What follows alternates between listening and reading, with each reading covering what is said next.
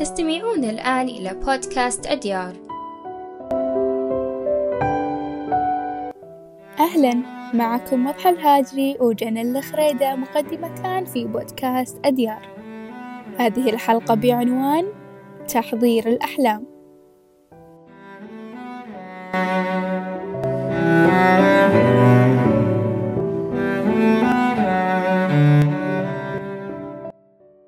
في ليلة من الليالي الباردة وسط الصحراء القاحلة.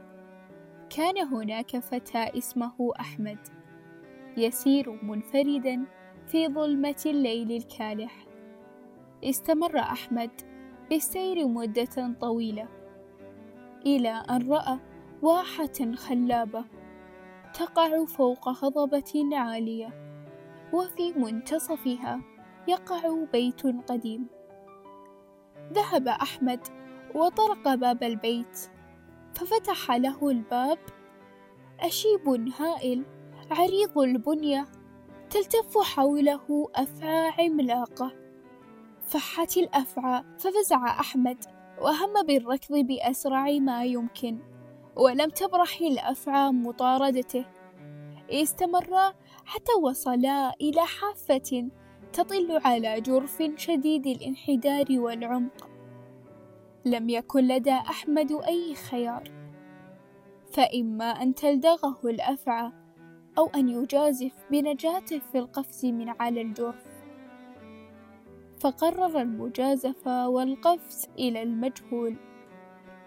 في نفس اللحظة استيقظ أحمد من حلمه المفزع يتصبصب عرقا. يداه مشدودتان ضربات قلبه تتسارع. جبينه يتعرق وأنفاسه تأبأ الخروج. أغمض عينيه وسمح للهواء بالانسياب لداخله إلى أن اطمأن. لقد كان مجرد حلم وهذا من حسن حظه. معظم البشر عاشوا لحظات مماثلة لتلك بل ولها الأحداث نفسها. سواء كان سقوط من ارتفاع شاهق أو الهروب من مخلوق متوحش أو حتى سقوط الأسنان. في بعض الأوقات تكون أحلامنا خارج نطاق المنطق ولا يمكن تفسيرها وبعضها الآخر غير مجرى التاريخ. ففي خمسينات القرن العشرين كان دون نيومان الذي كان أنذاك عالما في الرياضيات. يدرس في معهد ماساتشوس للتكنولوجيا. جنبا إلى جنب مع النابغة جون ناتش الحاصل على جائزة نوبل.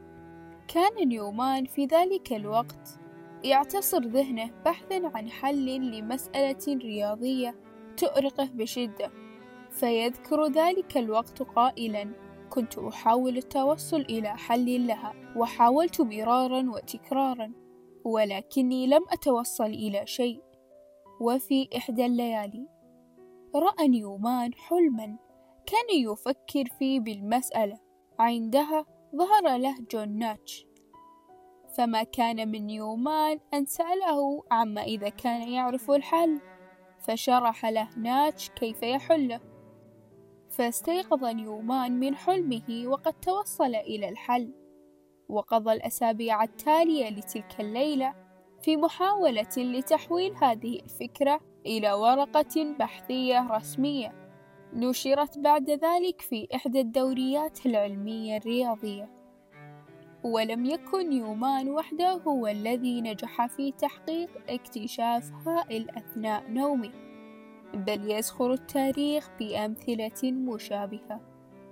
ففي الحلم أيضا توصل فريدريك أوغست كيكولي إلى البنية الكيميائية للبنزين واستحضر ديمتري مندليف الشكل النهائي للجدول الدوري للعناصر. وفكر أوتولوفي في تجربة علم الأعصاب التي أهلته للفوز بجائزة نوبل في الطب. وفي الحلم أيضا ولد في ذهن المهندسين بول هورايتز وآل هوانغ تصميم أجهزة التحكم في التلسكوب الليزر وحساب موجات الليزر على التوالي وثمة عدد لا حصر له من الفنانين والمخرجين. جاءهم الإلهام بأبرز أعمالهم وهم نائمون. فقد حلمت الكاتبة ماري شيلي بالمشهدين الرئيسين اللذين أسفرا في النهاية عن رواية فرانكشتاين. وهكذا الحال مع الكاتب روبرت لويس ستيفنسون مع رواية الدكتور جيكل والسيد هايد وقد استيقظ كل من لوفيد فان بيتهوفن وبول ماكارتني وبيلي جويل من نومهم على ألحان موسيقية جديدة تتردد في أذهانهم. ليس هذا فحسب بل أن دعوة المهاتما غاندي إلى المظاهرات السلمية ضد الحكم البريطاني على الهند جاء إلهامها في الحلم فكيف نشأت تلك الأحلام؟ أو بالأحرى لماذا حلمناها؟ كل تلك الأسئلة تبادرت إلى أذهان العلماء منذ قديم الدهر ولكنهم لم يتمكنوا من تفسيرها لصعوبة تجربتها وتفحصها أثناء حالتنا الفسيولوجية المرتبطة بالنوم مسيطرا عليها عقلنا اللاواعي المرتبط بأحاسيسنا ومشاعرنا التي عشناها خلال يوم حافل بأحداث مثيرة وعاطفية كالخوف والحب والحزن والسعادة. ولفهم وتفسير تلك الحالة ينبغي لنا أن نحرك عجلة الزمن إلى الوراء وأن ننقب في التاريخ عن كيفية تعامل الحضارات والشعوب مع النوم والحلم. منذ الأزل والمخلوقات الحية تنام مع النداء الكوني من غروب الشمس إلى شروقها. فلم يكن هناك محاولات لمخالفة النظام القائم حتى تقدم العلم واستطعنا التأقلم مع الحياة المدنية الحديثة أو اعتقدنا أننا تأقلمنا غير مبالين بأجسادنا لتحمل العبء الثقيل ثم نلومها بالضعف والوهن. فالبعض منا يتخذ من النوم وقتا للكسل. والبعض يراه ترفيها وترفا ومجالا للهروب من الواقع. ولكن الصحيح هو أن النوم حاجة أساسية لأدمغتنا وذاكرتنا بالتحديد فلا غنى لأجسادنا عنه. أما عن أحلامنا فهي لم تتطور كثيرا عبر التاريخ باستثناء طرق تعامل الحالمين معها. فالسامريون قدسوا أحلامهم وربطوها مع الكثير من قصائدهم. أما البابليون فقد صنفوها إلى جداول لا يمكن قراءتها إلا عن طريق المختصين. وفي عهد الفراعنة دونوا ألف حلم وجمعوها في كتاب حيث أولوا للأحلام أهمية عظيمة. ولعل أقوى شاهد لنا هو قصة سيدنا يوسف وسبيله في تفسير الأحلام. غير أن الإغريقيين هم أكثر من تعامل مع الأحلام عمليا فقد كانوا يتبعون منهجا يسمى تحضير الأحلام والذي يقام في معابد مخصصة. فمثلا يذهب المريض إلى هناك ويحاول أن يرى علاجا لمرضه. كل هذه الطرق للتعامل أو التحكم بالحلم لم تكن ذات فائدة ملموسة إلى يومنا هذا. فقد طرح الكثير من العلماء نظريات عديدة حول سبب أننا نحلم. ولكن لم يتم إثبات أي منها حتى خمسينيات القرن العشرين. حيث كشفت سلسلة من الدراسات الرائدة أجراها يوجين وناثانيال أن الإنسان يرى أحلاما أكثر بكثير مما يتذكر. قد تصل إلى خمسة أحلام في اليوم ولكننا نتذكر آخر حلم منها. وقد اكتشف الباحثان المختصان في أبحاث النوم أن نوم الإنسان يتكون تقريبا من دورات مدة كل منها تسعون دقيقة تتكرر اعتمادا على مدة النوم. وتتكون من خمسة مراحل. تم تقسيم هذه المراحل بعد أن درس العلماء أشكال التخطيط الكهربائي لدماغ الإنسان أثناء النوم واليقظة ومقاييس أخرى. المرحلة الأولى وتسمى النوم الخفيف، تعتبر مرحلة النوم الأولى أكثر مراحل النوم سطحية، تبدأ بعد أن تغفو بعد دقائق أو حتى ثوان، يقوم خلالها دماغك بإظهار موجات ألفا حيث تبدأ حركات عينيك بالتباطؤ. تدوم هذه المرحلة التمهيدية للنوم حوالي سبع دقائق. تكون فيها متنبها نسبيا أو سهل الإيقاظ في حال سمعت ضجة من حولك. وهي المرحلة نفسها التي تمر بها عندما تأخذ غفوة قصيرة أثناء حضور حصة دراسية مملة أو مشاهدة التلفاز مثلا. المرحلة الثانية من النوم. تعتبر هذه المرحلة خفيفة إلى حد ما.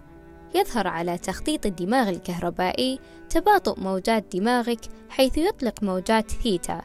إذا استيقظت في هذه الفترة يجب أن تكون في حالة يقظة. لذلك ينصح علماء النوم بأخذ قيلولة قصيرة تمتد ما بين 15 إلى 20 دقيقة خلال فترة ما بعد الظهر. وهي جرعة ممتازة من النشاط قد تكون كل ما تحتاجه لتجاوز يوم عصيب ومتعب. المرحلتان الثالثة والرابعة النوم العميق. وهنا نبدأ بالدخول في النوم العميق حيث يولد دماغك موجات بطيئة تدعى موجات دلتا. في هذه المرحلة تتوقف عيناك تماما على عكس المراحل السابقة. كلما يطلق دماغك تزداد موجات دلتا على مخطط الدماغ الكهربائي مع الانغماس في النوم وينعكس ذلك على النائم بصعوبة أكبر في الإيقاظ. في هذه المرحلة يقوم الجسد بالتهيؤ لليوم التالي عبر العديد من العمليات الحيوية. إصلاح الضرر الذي يلحق بالألياف العضلية كل يوم. تنشيط جهاز المناعة ونمو الأنسجة. كما يجهز مخزون الطاقة الذي سوف يستهلكه بعد الاستيقاظ. إضافة إلى ذلك تعد هذه المرحلة مرحلة جوهرية في مجالات الذاكرة والتعليم ومعالجة المعلومات. مرحلة حركة العينين السريعة.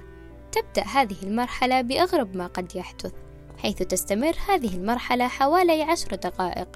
وكما يخبرنا الاسم تتميز بحدوث فترات متقطعة من الحركات العشوائية السريعة لمقلتي العين. يفترض بعض الباحثين بأن تلك الحركات ما هي إلا استجابات بصرية للعينين تجاه الصور والتخيلات الذهنية في الأحلام ولكن ذلك ليس مثبتا حتى الآن. لذلك يبقى سر حركات العينين السريعة أمرا غامضا حتى يومنا هذا. كما أن الأحلام والكوابيس تحدث في هذه المرحلة أيضا على خلاف عضلات العينين التي تتحرك بشكل عشوائي. تمر العضلات التي تحرك الجسم بمرحلة من الشلل التام لكي لا تقوم بحركات عشوائية قد تؤدي إلى خطر الحالم بإصابته أو حتى بسقوطه من السرير. مشاكل النوم واضطراباته انتشرت في وقتنا الحالي بأعداد كبيرة، حيث أوضحت دراسة نشرها مركز مكافحة الأمراض والوقاية منها أنه من بين كل ثلاثة أشخاص هناك شخص لا يحصل على كفايته من النوم.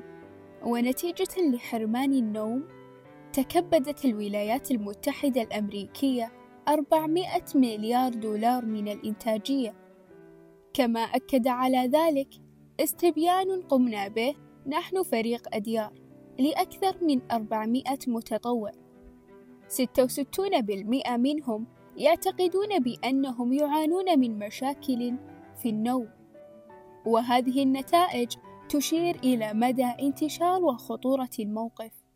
على الرغم من المشاكل الصحية المتعلقة به إلا أن قلة الوعي حوله تعزز من جهل الناس وزيادة الأمراض النفسية والذهنية ومن الممكن أن تؤدي إلى الموت المبكر. ومثال ذلك مرض الزهايمر التي أثبتت الدراسات مدى ارتباطه الأصيل بقلة النوم؟ ولقد نشرت دراسة حديثة تفيد أن الاستيقاظ على صوت المنبه هو مؤشر واضح على اضطراب حرمان النوم. وهناك العديد من الأسباب المؤدية إلى قلة النوم مثل تناول مشروب يحتوي على كافيين قبل النوم بساعات قليلة حيث أن الكافيين من أكثر المواد المنبهة شيوعًا وله عمر نصف يصل إلى خمس ساعات مما يعني أن لو استهلكت عشرة ملي بعد خمس ساعات سيبقى بجسمك خمسة ملي من الكافيين وتستمر العملية حتى تتخلص منه.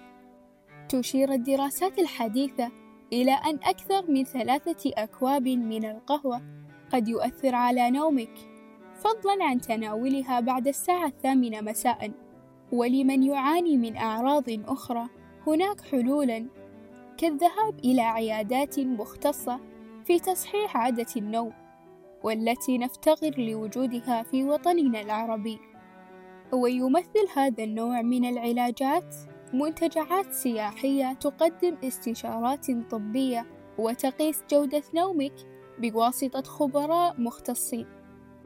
بعد أن استمعنا إلى هذا الكم الهائل من المعلومات عن النوم، ما الذي يسعنا فعله لنحظى بنوم هانئ يمتعنا بامتيازات النوم الصحي الذي يضمن لنا ذهنا صافيا ونشاطا قبل الإنتاجية؟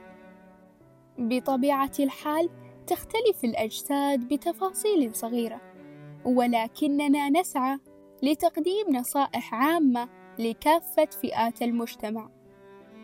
ففي البداية ينبغي عليك أن تضع موعدا محددا للنوم وأن تلتزم به، فكلنا نملك ما يسمى بالساعة البيولوجية التي تتحكم بوقت نشاطنا وكسلنا على مدار اليوم.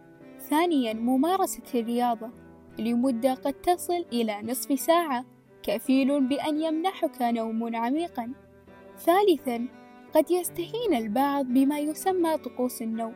ولكنها تعتبر طريقة فعالة لتهيئتنا نفسيا قبل النوم وخير ما نفعله هو ما ورد عن نبينا في آداب النوم من قراءة القرآن والأدعية الصحيحة رابعا تجنب تناول مأكولات تحتوي على سكر أو كافيين في وقت متأخر. خامسًا اقتناء جهاز تتبع يتيح لك قياس جودة نومك بالإضافة إلى مقاييسك الحيوية الأخرى. وإذا لم تتمكن من شرائه فهناك تطبيقات ينصح بها الخبراء والمختصين. وسنعمل على ثريد يحكي تفاصيلها على صفحتنا بتويتر. أخيرا والأهم من ذلك كله هو أن تبدأ بالتطبيق. الآن فالنصيحة تبقى نصيحة ما لم تطبقها وتنقلها. إلى عالم الفعل والحقيقة. وقبل أن نختم حلقتنا نود أن نقدم رسالة إلى عالم واجه تأخرا علميا تجاه ما يمثل ثلث حياتنا وأهم أنشطتنا. فلو قمنا بمقارنة بسيطة مع حجم الأبحاث والدراسات التي أقيمت على الأكل سنرى أضعافا مضاعفة. وإهمالا شديدا وغيابا للوعي تجاه أغمض ما يمكننا فعله. فلا أحد يعلم ما يحمل المستقبل من ابتكارات قد تمكننا من مشاركة أحلامنا أو حتى التحكم بها. جميعنا نحب الراحة نحب الاسترخاء والسفر في عالم ينعدم فيه الوقت ويحفل بالأحداث. ولكن الوقت ليس في صالحنا. فلا ندري متى تبرح الأرواح أجسادنا. لذا فأن الاعتدال هو الحل لا الزيادة ولا النقصان. الحلم أمر جميل أحيانا وإذا أصبح واقعا فسيكون أجمل.